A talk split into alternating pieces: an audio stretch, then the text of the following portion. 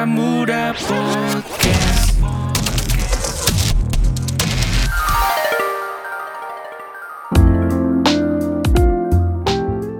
Oke, kita sudah mulai ya. Satu, Selamat dua, datang. tiga. Selamat datang di podcast Baramuda. Ya, Emang kamu harus mau- ada yang ngalah dulu. Kamu mau bilang podcast Baramuda? Iya dong. Eh Baramuda podcast sebenarnya. Kan biasanya kita Inggris mas. Oh iya benar-benar. Oke, tentunya selamat datang kembali di Baramuda Podcast. Uh, puh. Ya, dan masih bersama Tongar di sini dan Agas di sini. tentunya selama kurang lebih 30 menit ke depan akan membahas uh, ada satu bintang tamu pastinya ya. Dan kali ini spesial ya. Betul nggak, Gas? Hmm. Karena dia adalah seorang yang sangat multitasking ya. Kayaknya bisa semua gitu dari ini ini ini ini. Ya, dan akan mencengangkan ya. Menjengangkan bukan siapa pun, lagi. siapa pun yang mendengarnya ya. Dan tentunya nanti ada giveaway ya. True, entah itu di depan, di tengah, di belakang, tapi kayaknya nggak pernah di belakang banget sih. Oh, oh. Iya, makanya aja lah. hmm, jangan di skip skip. ya. Oke langsung saja guys kita kenalkan siapa dia. Jangan aku dong, langsung orangnya aja. Oh, langsung orangnya Iya aja. Langsung kita sapa ya. Hai. Hai. yang dijawab hai dong. Kalau halonya nggak dijawab. Oh, iya. Halo, hai. Bisa perkenalan dong nama lengkapnya. Nama lengkap Gita Ikan Sayani. Terus mau tanya apa lagi? Alamat, Pandansari. Pandansari Muda atas Manggisan ya. Oke. Kesibukannya, kesibukannya. Sibukannya eh ngipain mantan. Ah, enggak dong, enggak, enggak, enggak. Sekarang alhamdulillah udah kerja nih di Rumah Sakit PKU Muhammadiyah Wonosobo Se- sebagai apa? sebagai asisten apoteker. Oke. Kenapa nggak jadi apotekernya? Belum ada dana untuk sekolah lagi. Oh gitu. Berarti ada sekolah khusus apoteker ya? ada. Oh. Satu tahun lagi, cuman ya emang itu sih butuh biaya yang nggak sedikit sih. Oh. Makanya mau ngumpulin uang dulu gitu sih. Tapi pekerjaannya enak gak sih? Bagiannya apa sih kalau asisten? Asisten apoteker itu kayak misalkan ada resep datang. Kita itu menganalisis resep itu. Terus habis itu nanti di entry ke komputer. Habis itu nanti kita ngambilin baru nanti diserahin sama apotekernya gitu. Oh, justru malah lebih detail ya. Kamu kerjaannya malah lebih lebih paham itu ya. Iya, soalnya kalau dari awal salah ngentri resepnya ya sampai belakang salah gitu loh. Hmm, jadi emang tanggung jawabnya lebih besar ya. Hmm, sampaiin ke pasiennya juga kadang salah. Kalau misalkan obat itu racikan juga harus dengan takaran yang tepat gitu. heeh. Pantesan waktu itu keluarga aku gitu di PKU cepet banget sehat. Ternyata kamu yang racik ya. Ah, iya dong. Oh, kan gitu. pakai doa juga. Jadi harus benar. ya. Jadi resepnya benar juga gitu loh. Ca- Kalau salah ngambil, wah bahaya. Bahaya. Tapi jangan sampai lah ya. Ini pertanyaan sejuta umat nih kayaknya. Aku pengen nanya ini nih dari dulu ke semua farmasis di Indonesia atau di dunia. Gimana cara baca tulisan dokter yang acak adul kayak gitu? Kadang cuma erut gitu kayak tahu-tahu ini ini gitu. Ya ya ya benar. benar. Nah, itu sih sebenarnya yang pertama kan kita udah tahu ya, misal dia gula nih. Gula kan udah ada obatnya ini ini ini gitu. Nah, jadi kita eh, kira-kira aja sih. Kalau misalkan kita bener-bener kan kadang misalkan obat apa cuman C gitu, tak C nyuci rek-rek gini tok. Nah, itu kalau misalkan kita bener-bener bingung baru kita konfirmasi ke dokter. Tapi kan biasanya karena kita tahu itu penyakit dalam atau penyakit apa, jadi kita tahu reng-rengan obatnya apa aja gitu sih. Oke, Karena sudah belajar banyak ya. Yang metu itu itu aja. Oh, oh, kalau obat dalam ya yang keluar ini ini aja. Kalau obat saraf ini ini aja gitu sih. Nggak mungkin dong obat dalam terus dikasih kayak ultrasilin gitu loh kayak apa sih itu buat gatel-gatel gitu ya ya ampun itu penyakitnya ke orang-orang kayak Mas Tongat deh kayaknya. Iya. Ultrasilin Oh, doang, jadi- bahkan nggak tahu loh. kadang berapa digitnya itu bisa kelihatan ya Berapa digit? depannya depannya misalnya C urek-urek A urek-urek nah oh itu Itu oh, oh, kalau misalkan dia dosisnya nggak di nggak di apa nggak ditulis di situ berarti itu dosis terendah. Tapi kalau misalkan ada 200 gitu berarti dosis yang 200 gitu sih. oke ada tambahan keterangan ya Oh, ada tambahan keterangan kalau dia dosisnya lebih tinggi. oke gitu Kalau dari resep-resep kayak gitu tuh sebenarnya biasanya tuh ditanya dulu nggak sih kayak penyakitnya apa gitu. Kali aja kayak dokternya belum nulis itu tapi langsung nulis resepnya itu. Ada nggak sih? Enggak sih, biasanya kan itu udah pasien apa jangka panjang. Jadi dia tuh tiap minggu atau tiap bulan itu udah periksa di situ gitu loh. Jadi obatnya itu ya obat itu tuh aja. Kalau di rumah sakit kan nggak komplek kayak apotik. Apotik kan kadang kita eh apa? Pelanggan baru Mm-mm, pelanggan baru. Misalkan mengeluhkan sakit gigi atau apa gitu kan. Tapi kalau di rumah sakit kan enggak dia udah ya emang penyakitnya itu gitu loh. Ada Obatnya catatan itu. riwayat itu. oh, oh, ada catatan riwayatnya gitu sih. Aku pinter ya. Gue cocok ini jadi. tapi pernah nggak kayak gitu terus salah gitu kayak udah udah ngira-ngira ini oh, ini kayaknya ini nih ternyata maunya si dokter tuh bukan itu. Gitu. aku sendiri pernah. Nah itu kan eh, ibu-ibunya dari Dieng. Nah itu kan dia penyakit gula terus gulanya itu udah turun.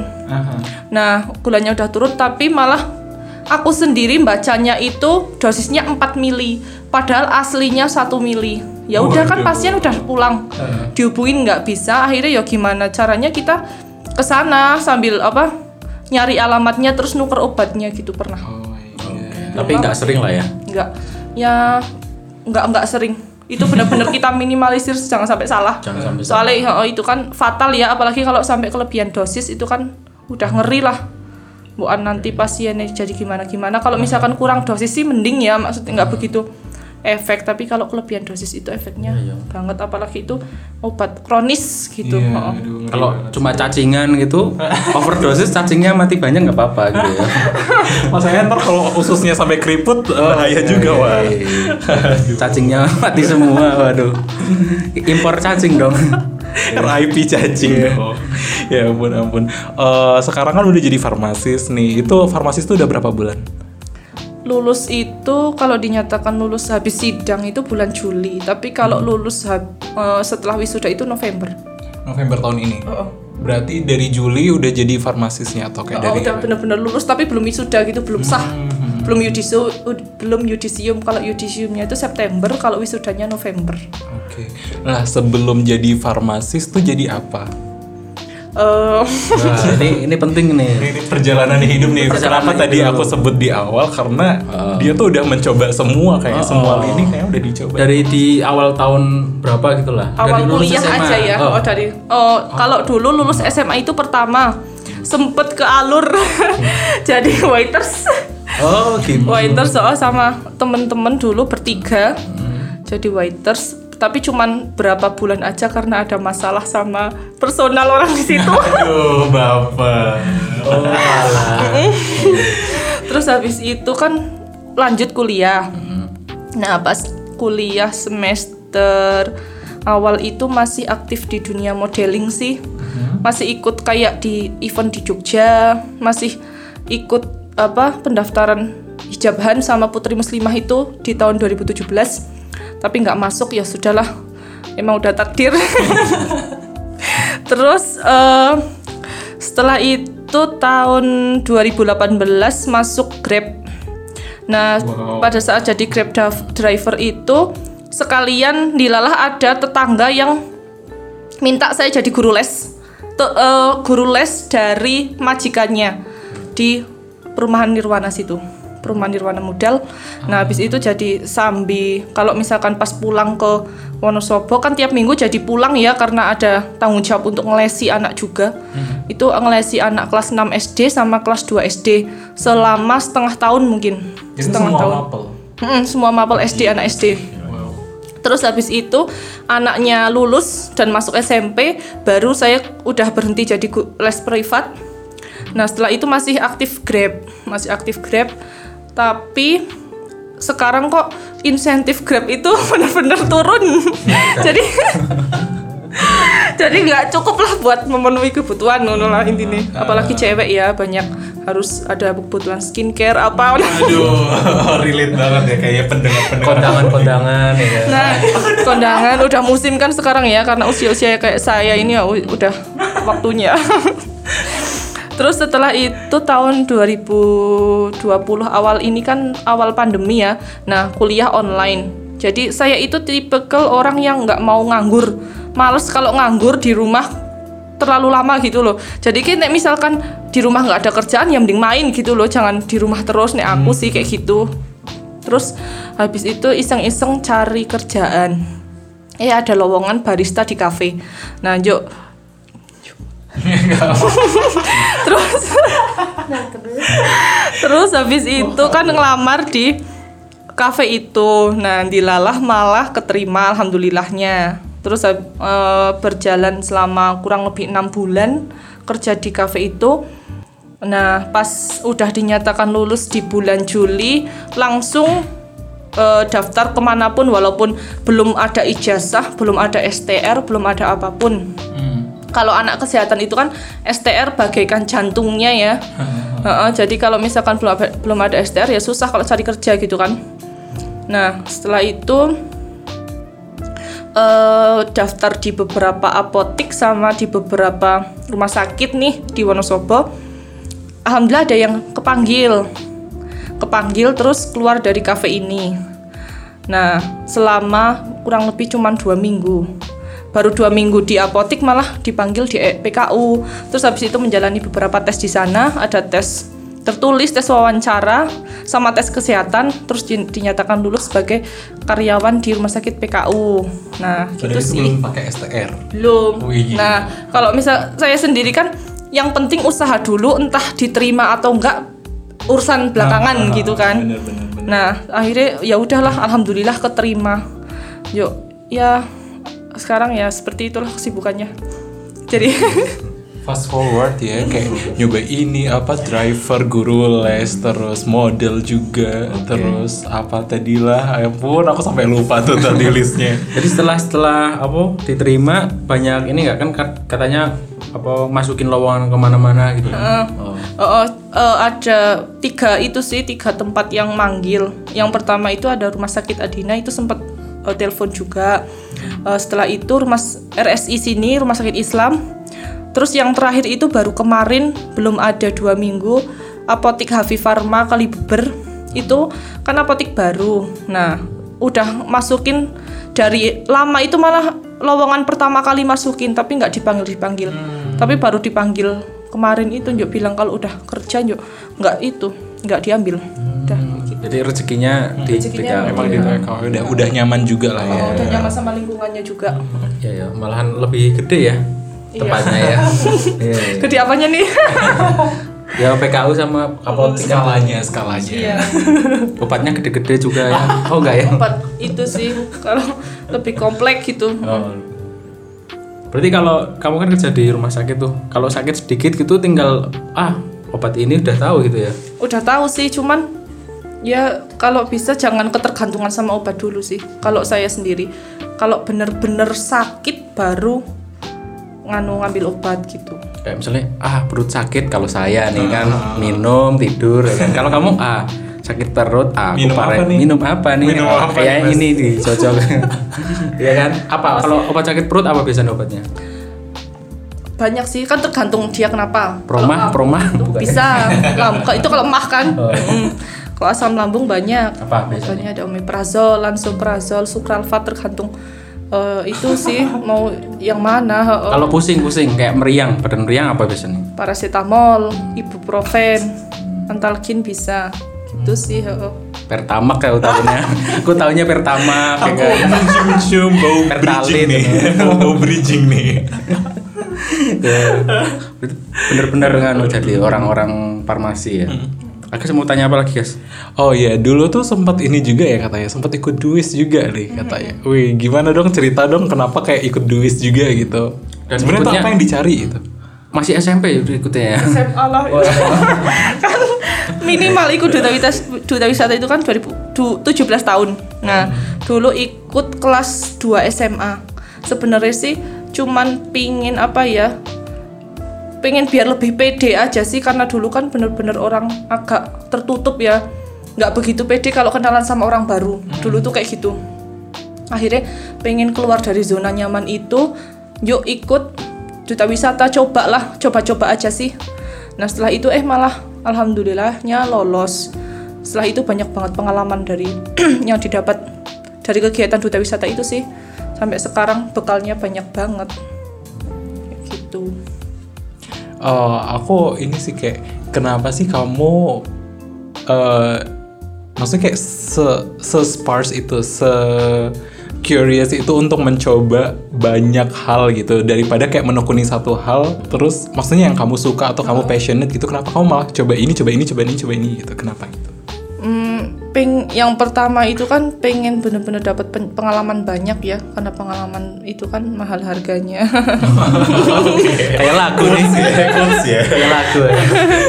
nah setelah itu pengen juga punya teman banyak teman di mana-mana nggak cuman di circle itu tok gitu loh. Jadi itu sih kalau ngan eh, maksud untuk menekuni di bidang ini ini ini gitu. Kamu mau tanya apa? Enggak ya. oh jadi kan tadi kan ngomong tentang menambah circle jadi di sini tuh sudah ada salah Iya, satu orang circle-nya. yang mungkin circle dia yang didapat dari mana gitu coba jelaskan Oh, silakan Ini teman dari mana ini? Kenal di mana? Kalau ini teman dari SMP, dia juga pernah dulu berjuang bareng waktu bekerja di Alur sebagai waiters. Pokoknya dia yang dapat masalah dulu. Namanya disamarkan aja nggak apa-apa ya. Oh, samarkan namanya Cantika. Bisa bisa, bisa dijelaskan nggak orangnya seperti apa? Eh, jadi tuh di- eh, dia orangnya gimana ya? Supel sih, supel. Tapi kadang nyebelin sih. Eh, nanti tanya-tanya aja sama orangnya lah. Oke, sekarang gantian. Selama selama jadi circle-nya kita, itu pernah ada kejadian yang menarik apa misalnya? Kejadian lucu apa sama selama berteman dengan kita? banyak sih kita suku apa susah seneng tuh bareng. Kayak cari kuliah kita berangkat subuh subuh sampai Purwokerto sampai Jogja berdua. Kita modal nekat terus cari kerja ya karena emang ada tragedi sih awalnya. Cuman nggak usah disebutin tragedinya kenapa sampai akhirnya kita keluar berdua kenapa gitu. Karena emang dari pihak sananya yang salah gitu sih ya sebenarnya ya. Ini dia jadi cuma ngasih hin-hin doang tuh aku penasaran sebenarnya permasalahan dia tuh apa gitu. Oh, oh loh. tadi kan masuk bertiga ya kenapa yang keluar cuma berdua gitu? Oh loh. yang satu tinggal ya. Ada apa ini? Jadi bagus itu. tragedinya tuh dulu kita mau pulang kerja cuman kan udah mau lebaran kayaknya ya. Itu kita posisi kerja waktu puasa terus kita tuh mau pulang terus mungkin karyawan di alur itu tahu kita anak baru mau kenalan nggak berani gitu loh. Cuman caranya mereka itu salah. Mereka tuh ngelemparin petasan ke aku dan kena tangan. Ya udah merah. Terus jadilah dipermasalahin dipanjang-panjang panjangin terus habis itu akunya keluar terus dia tuh cuman beda berapa hari gitu terus dia keluar juga dilempar petasan juga Enggak ya. Pertanyaan saya, ketika kamu dilempar petasan kenapa ditangkap juga? enggak jadi dia tuh Ditangkap di mulut men up gitu. enggak jadi dia tuh kayak sengaja gitu loh Oh. lemparnya pas ke tangan. Ke tangan. posisi kita kan udah udah mau jalan mau pulang gitu loh Kamu menangkis sebenarnya ya, kayak mau menangkis mungkin. kita kaget malahan nggak tahu kalau di Itu apa ya? iya tahu-tahu udah meledak di tangan, gitu Oke, oke pemirsa ini dia tragedi petasan di tangan ya. itu lucu banget sih. itu yang bikin kamu keluar. Iya, karena ya Tragedi. karena tragedi itu orang tua Nggak terima. nggak terima, anaknya juga mau dituntut juga nggak dia ngomongnya yang janganlah saya tuh ngehidupin keluarga bla bla bla bla. Terus saya juga berpikir kasihan lah kalau misalkan matiin rezeki orang takutnya nanti dimatiin juga sama orang lain gitu Padahal itu loh. waktu itu panas gak? Merah dong. Merah dong. hati juga ya panas ya Oh, jadi itu jok kita ikut-ikut anu keluar. Ya karena waktu itu kan kita kerjanya di shift sore terus. Alur kan bukanya sore kalau selama puasa itu. Jadi dia pulangnya malam nggak ada temennya nggak berani. Kan biasanya Oh. dia diantar jemput gitu loh. Oke. oke Oke, itu itulah eh, kesaksian dari temennya kita yang sempat dilempar petasan ya. yang sudah mengalami suka duka bersama ya. Kalau itu kan dukanya sukanya sama kita apa, Bian? suka apa ya? Hmm, banyak. sih kita tuh. Nggak bisa dijelasin. Itu karena ada orang saking tapi emang kita tuh kayak survive berdua lah. Kita Oh. kita jualan apa pun itu dilakuin. Terus mau nyari kuliah yang satu nggak mau kuliah yang satu mau kuliah. Jadi mau nggak mau kayak dibantulah ke mana-mana kayak semenjak ibunya nggak ada juga dia larinya ke aku terus jadi kayak curhat apa pun ya? Ya bisa jadi jangan pernah curhat tentang aku ya? Oh. Iya ya? sebentar lupa kayaknya aku. belum pernah ya? Kayaknya belum pernah deh. Kayak habis ini ya. Kenapa ada GR sekali sobat? ya tahu siapa tahu. Oh, siapa tahu ya, juga ini kan jadi ibu keduanya. Ini bukan dulu. Oke terima kasih ya Masih mbak-mbak loh iya ya masih masih mbak mbak ya Eh, terima kasih ya sudah menemani kita ya itulah kesaksian dari sahabatnya ya Betul. Terus aku pengen bela- eh, tanya ini, selama pandemi ini eh, kan masuk farmasis kan waktu udah pandemi kan, menjadi eh, asisten apa farmasis di di apa PKU gitu. Eh, ada permasalahan nggak sih selama pandemi ini? Ada sih. Eh, permasalahannya kan pasiennya turun ya. Jadi gajiku turun. oh itu ya Pengaruh banget. mempengaruhi sih mah kalau rame ya ikut rame ya Kalau rame gajinya naik kayak gitu sih. tapi masih aman ya Aman. Aman terkendali. UMR. Kok jadi masalah private? Kok jadi masalah private? UMR kan minimal nah, pasti lebih dari UMR Oh, seperti itu. ya aku tahu PKU itu seperti apa nggak mungkin lah menggaji seorang mbak kita ini di bawahnya Betul. PKU tolong endorse kami. obatnya manjur-manjur ya Manjur manjur. dan lengkap fasilitasnya dan jadi rumah sakit kelas C ya Kelas udah B. oh, sekarang udah B ya Alhamdulillah. tapi sempet C nggak Dulu, Dulu waktu ya, awal-awal awal-awal Hmm, kan. Kan habis itu akreditasi. oh, oh sekarang sudah B ya Sudah. mulai kapan Mulai tahun mungkin sebelum saya masuk 2019 atau 2018. Ah, tuh masih belum banyak yang tahu. Makanya PKU bisa iklankan lewat podcast ini ya. Kalau sekarang sudah B. Hmm, perubahannya apa setelah B? Saya sih nggak begitu tahu ya karena dulu oh, baru masuk. Hmm, setahu aku sih emang fasilitasnya, oh, fasilitasnya lebih lebih Memadai. memadai. ya. Jadi rujukan gitu loh. Iya. Jadi kayak sudah setara kayak RSUD, RSUD, RSI gitu kan. Padahal itu baru ber- berapa tahun sih Akit? Baru kalau rumah sakitnya baru tujuh tahun. Baru tujuh tahun. Oh, kalau kliniknya udah 10 atau 12 tahun gitu. Hmm, Awalnya emang klinik kan. Klinik, Setiap oh, kabupaten kan ada ya. PKU itu. Awalnya klinik. Wih, keren keren keren. Me, bapak saya pernah sekali sih tipes di sana. Jadi diinfus, yo habis berapa itu langsung kelihatan seger gitu loh. Kalau sana pelayanannya bagus nggak kalau menurut Mas? Bagus, bagus beneran. Ini enggak enggak karena Ini nggak kanu ya, nggak karena. Enggak peres-peres ya. pertama kebersihan. Terus kayak karena saya muslim itu kayak di, diingatkan berdoa gitu kan kayak gitu. Kalau yang umum apa, kan enggak Kecepatan dalam pelayanan. eh, pelayanan. itu juga cekatan banget jadi fokus gitu loh bener nggak kayak fokus kayak pasien ini harus eh, nggak nggak bisa kayak ditelantarin itu nggak nggak bener jadi fokus sampai pembayaran pun itu nggak sampai menunggu lama loh Bener. tahu aja kalau masalah duit itu loh cepet banget itu loh ya, tapi the best lah ya gongnya sih, Iya, iya. aduh. Terus aku mau tanya ini dong kita em, selama pandemi ini tuh kan ngerasa ada hal yang mengubah kamu nggak sih? Ataukah adakah sesuatu yang kamu pelajari dari adanya pandemi ini? Oh ya, yang pertama sih emang dari segi kebersihan ya. Kebersihan kalau apa kita harus cuci tangan, pakai masker, jaga jarak sama orang gitu. Terus di sini juga mengajarkan kalau ternyata kan sekarang salaman nggak boleh ya. Nah itu kan mengajarkan kita nggak boleh salaman sama lain mahram. itu sih kayak gitu.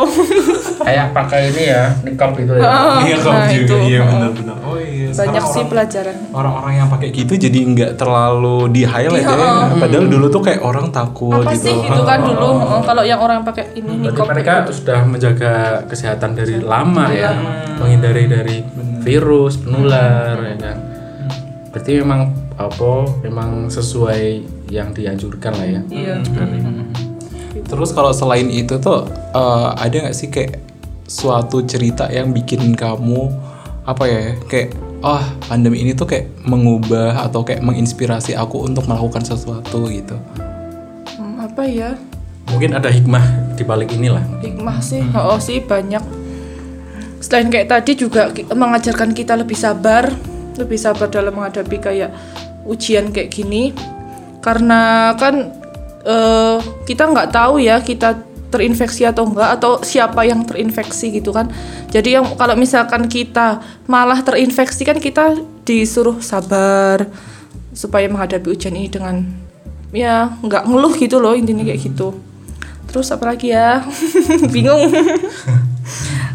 Mungkin ada pertanyaan buat saya, enggak ya? Masa kita yang ditanya? Atau mungkin Mbak Cantika yang pengen ini Oh, hikmah-hikmah dari adanya pandemi gitu daripada diem aja ngeliatin kita ya. apa ya hikmah-hikmahnya Atau mungkin ada saran buat kita yuk? Ada doa, saran yuk? Oh, kayak ulang tahun gitu. Kayak sekarang kan dia udah pencapaiannya seperti ini, mau mengasih selamat atau gimana? ya selamat ya udah keterima kerjanya terus rajin-rajin menabung ya bun Oh, kelihatan Ya, Bun. boros nih, suka jajan pasti. Iya, iya. Terus apa lagi doanya? banyak sih nggak usah disebutin satu-satu Apa doa secara general aja mungkin kayak aku harap pandemi ini segera berlalu atau apa gitu. yang jelas aku berharap pandemi segera berlalu banget sih karena Kenapa copy paste? ya karena karena itu sih mas karena karena ada pandemi juga kita mau cari kerja susah jadi pengaruhnya tuh sangat banyak Nggak kepingin ini, bikin usaha sendiri itu. sudah ada tapi lagi tutup dulu Hmm, istirahat ya. Iya, istirahat. Apakah karena pandemi atau emang ada sesuatu yang bikin istirahat? Eh, ada sih kita lagi belajar branding Ah, gitu. Oke, atau kita untuk kayak ucapan apa kayak buat Cantika ini yang sudah menemani sampai ke sampai di titik ini gitu loh. Hmm, ya untuk ucapannya terima kasih. terima kasih telah ada. Terima kasih terhadap. Oh, mantap, mantap. Terus apa ya? Susah juga sih karena tipenya bukan tipe orang yang romantis apa-apa harus diomongin gitu. Jadi nggak tahu mau ngomong apa. Oh. Tapi dari sini kelihatan ya, maksudnya gimana berartinya kehadiran Cantika. Nah, padahal Kehadiran kita kan untuk Cantika. banyak banget temennya ya. Kenapa Cantika yang diajak ke podcast ini berarti kan spesial benar kan? Atau emang nggak ada temen ya? ya salah satunya sekarang temennya udah mulai berkurang ya karena banyak yang udah sold out nikah. itu terus lainnya juga kadang ada yang sibuk sendiri, ada yang emang susah kalau diajak kayak gini gitulah. Kayak gitu sih makanya ngajak yang emang Kalau mau nanti aja. Cantika nikah, yuk kamu ngajak siapa ya? nggak tahu. Tapi kayaknya dia masih lama. Kok gitu? Belum tentu, bisa jadi. Oh, di sini udah ada yang ngincer nih Oh, kayaknya. bisa jadi. Kawan muda mungkin mau dengan kita atau dengan Cantika masih available, silahkan hubungi nomor di bawah ini, oke? Eh, kita sepertinya sudah menuju ke penghujung acara nih, Mas. Oh, benar-benar. Berarti ini saatnya bagian yang paling kita tunggu-tunggu yaitu quiz. Iya, Kuis ya. Jadi pertanyaannya gini untuk kawan muda, apa nama tempat waktu kita dan temannya ada tragedi petasan di tangan? Nah, ya. Kalau mau tadi dengerin ya. Apa nama tempat tempat kita dan Cantika kerja yang ada tragedi petasan di tangan, jebluknya di tangan ya. Jebluk siapa? itu pokoknya caranya gimana Agus? caranya kalian bisa nanti kepoin di Instagram kita di Wonosobo Muda. Nanti search aja yang bagian podcast, ada caranya di situ. Pokoknya upload aja story. Eh, tata caranya sudah ada di situ. Ikutin aja dan eh, siapa tahu kalian menjadi salah satu yang beruntung untuk mendapatkan pulsa 50.000 ribu. Oke, dan tentunya eh sangat menginspirasi nih kita terima kasih sudah hadir di podcast para muda episode kali ini. Semoga bisa menginspirasi kawan muda yang mendengarkan. Betul nggak guys? Betul.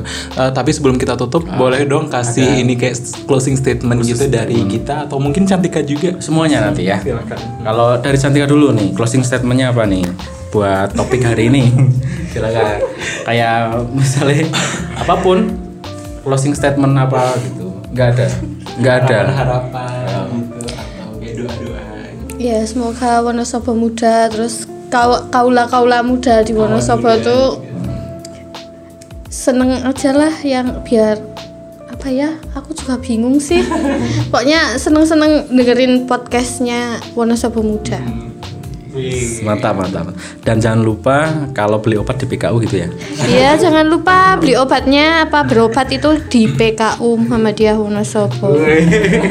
Ini nanti disangoni kita mesti. Oke ya.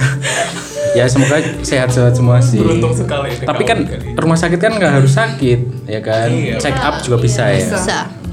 Atau beli obat untuk untuk koleksi. atau vitamin mungkin mas Oh, vitamin. Iya, menjaga vitamin. kesehatan selama pandemi, ya kan Pandemi ya kan, nggak harus sakit ya datang situ. Iya. Ya bisa kenalan sama karyawan-karyawan ya, Betul ya. silaturahmi ya kan, karena PKU kan milik umat bersama. ide sekali ya datang untuk kenalan sama Oh, iya. karyawan doang tapi itu juga menambah betul. Menambah ini ya uh, circle dan tali silaturahmi Oh, gitu. oh, tentang kesehatan. Daripada di sana jarang kerjaan ya kan sepian bisa ngobrol-ngobrol ya kan. Oke oke. Oke, itu Closing dari- statement dari kita mungkin. Oh, kalau dari kita closing statementnya apa? Eh, apa ya? Untuk para kaum kawan-kawan muda ini mm, jangan mudah menyerah ya. Teruslah berusaha mm, dalam hal apa pun. Pokoknya nggak usah ya nggak usah mikirin pendapat orang yang ah kamu nggak bakal berhasil kamu nggak bakal apa gitu nggak usah percaya aja sama diri sendiri dan sama takdir Allah kalau kalian berusaha pasti hasil nggak akan mengkhianati gitu aja sih terus kalau berobat ketemu eh, di BK sama supaya ketemu aku Iya, betul betul betul betul. Iya. Dengar-dengar obat cacing itu baik untuk pakan burung ya? Enggak ya? Cacingnya dong, Oh, bukan oh, obatnya. oh, cacingnya. Aku salah dengar berarti. Takutnya bener kan belinya ke Mbak Gita bisa ya. Bisa nganu ya, bisa digrabkan kan? Untuk sementara ini belum bisa tapi kayaknya ada program itu sih Go Farmasi nanti bekerja sama sama Grab. Go Di sini. Dan kamu sekaligus jadi driver Sekaligus, ya? Nah itu sekaligus bisa ya. Bisa. oh, oh. Ya, aku hmm, shift malam nanti ah aku paginya nge-grab Iya, dulu iya, ya. Betul sekali. Ya ampun sangat multitasking ya. Multitasking. Sekali. Thank you untuk Oke. Gita dan Cantika yang sudah mau berkunjung ke podcast Bara Muda, menebarkan inspirasi dan empowering kawan-kawan muda untuk bisa bangkit dari pandemi ini. Oke, terutama buat Cantika nih. Datang sebagai menemani si Gita, tapi ada inspirasi. Jadi kalau ada petasan, jangan di Tertangkap. eh, eh, tangkap. Nah, sebenarnya itu nggak mau ditangkap, cuma pas sampai tangan pas meledak. Ya. Itu harganya berapa petasannya? Kurang tahu, tanya sama mas-masnya yang lempar aja. Wah, kurang ajar ya. Itu harganya adalah pertemanan, Mas. Mm-mm. Jadi pertemanan jadi putus. Betul sekali. Ini semoga ini yang kerja di alur sudah nggak ada yang kayak gitu ya. Amin. Kayaknya orangnya udah nggak ada sih. Oh, emang ya. Sekarang sudah baik semua lah ya. Kurang tahu. Kurang tahu ya. Tapi aku lihat orangnya itu udah nggak ada Udah di di situ. situ. Oke. Mungkin keluar juga karena petasan. Iya. Kena karma. Eh, Iya. astaga, jangan jangan jangan. Iya, tapi alur semakin rame ya setelah dia nggak di situ. Kita berharap sih seperti itu. Makannya juga enak-enak. Saya paling suka itu ikan ini gorengnya. Oh, aku tahu. Hmm, Iya ya. Ikan toh. Ini ikan, ikanin aja itu, ikanin aja. Oke, kalau lapar, lapar ke alur aja. Wow, Beli beli obat ke PKU. Full of endorsement ya. Oh my god. Oke, kayaknya sudah cukup ya untuk hari ini ya. Iya betul ya, sekali. guys? Eh, untuk kawan-kawan muda yang kepo sama podcast Bara Muda bisa didengarkan di Spotify, ada juga di Google Podcast, ada di Anchor.fm. Cari aja Bara Muda Podcast nanti langsung keluar podcast kita di paling atas Google itu udah langsung search engine-nya sangat mantap. Lalu juga ikutin Sapa Kawan Muda eh, video-video tentang apa? bintang tamu yang sudah kita wawancarai di YouTube kita at eh, at Wonosobo Muda ya. Pokoknya dicari aja Wonosobo Muda channelnya. Lalu juga ikutin Instagram kita di at Wonosobo Muda Facebook kita di Wonosobo Muda website kita di wonosobomuda.com terima kasih juga kepada Indica Foundation dan Toleransi.id yang sudah menjadi sponsor untuk project kita sejauh ini. Oke, dan akhirnya terima kasih buat pendengar semuanya. Apabila ada kata-kata yang kurang berkenan, mohon maaf ya. Dan itu hanya untuk bercanda saja. Dan kalau ada inspirasi itu memang ya kita memang seperti itu ya tugas saya.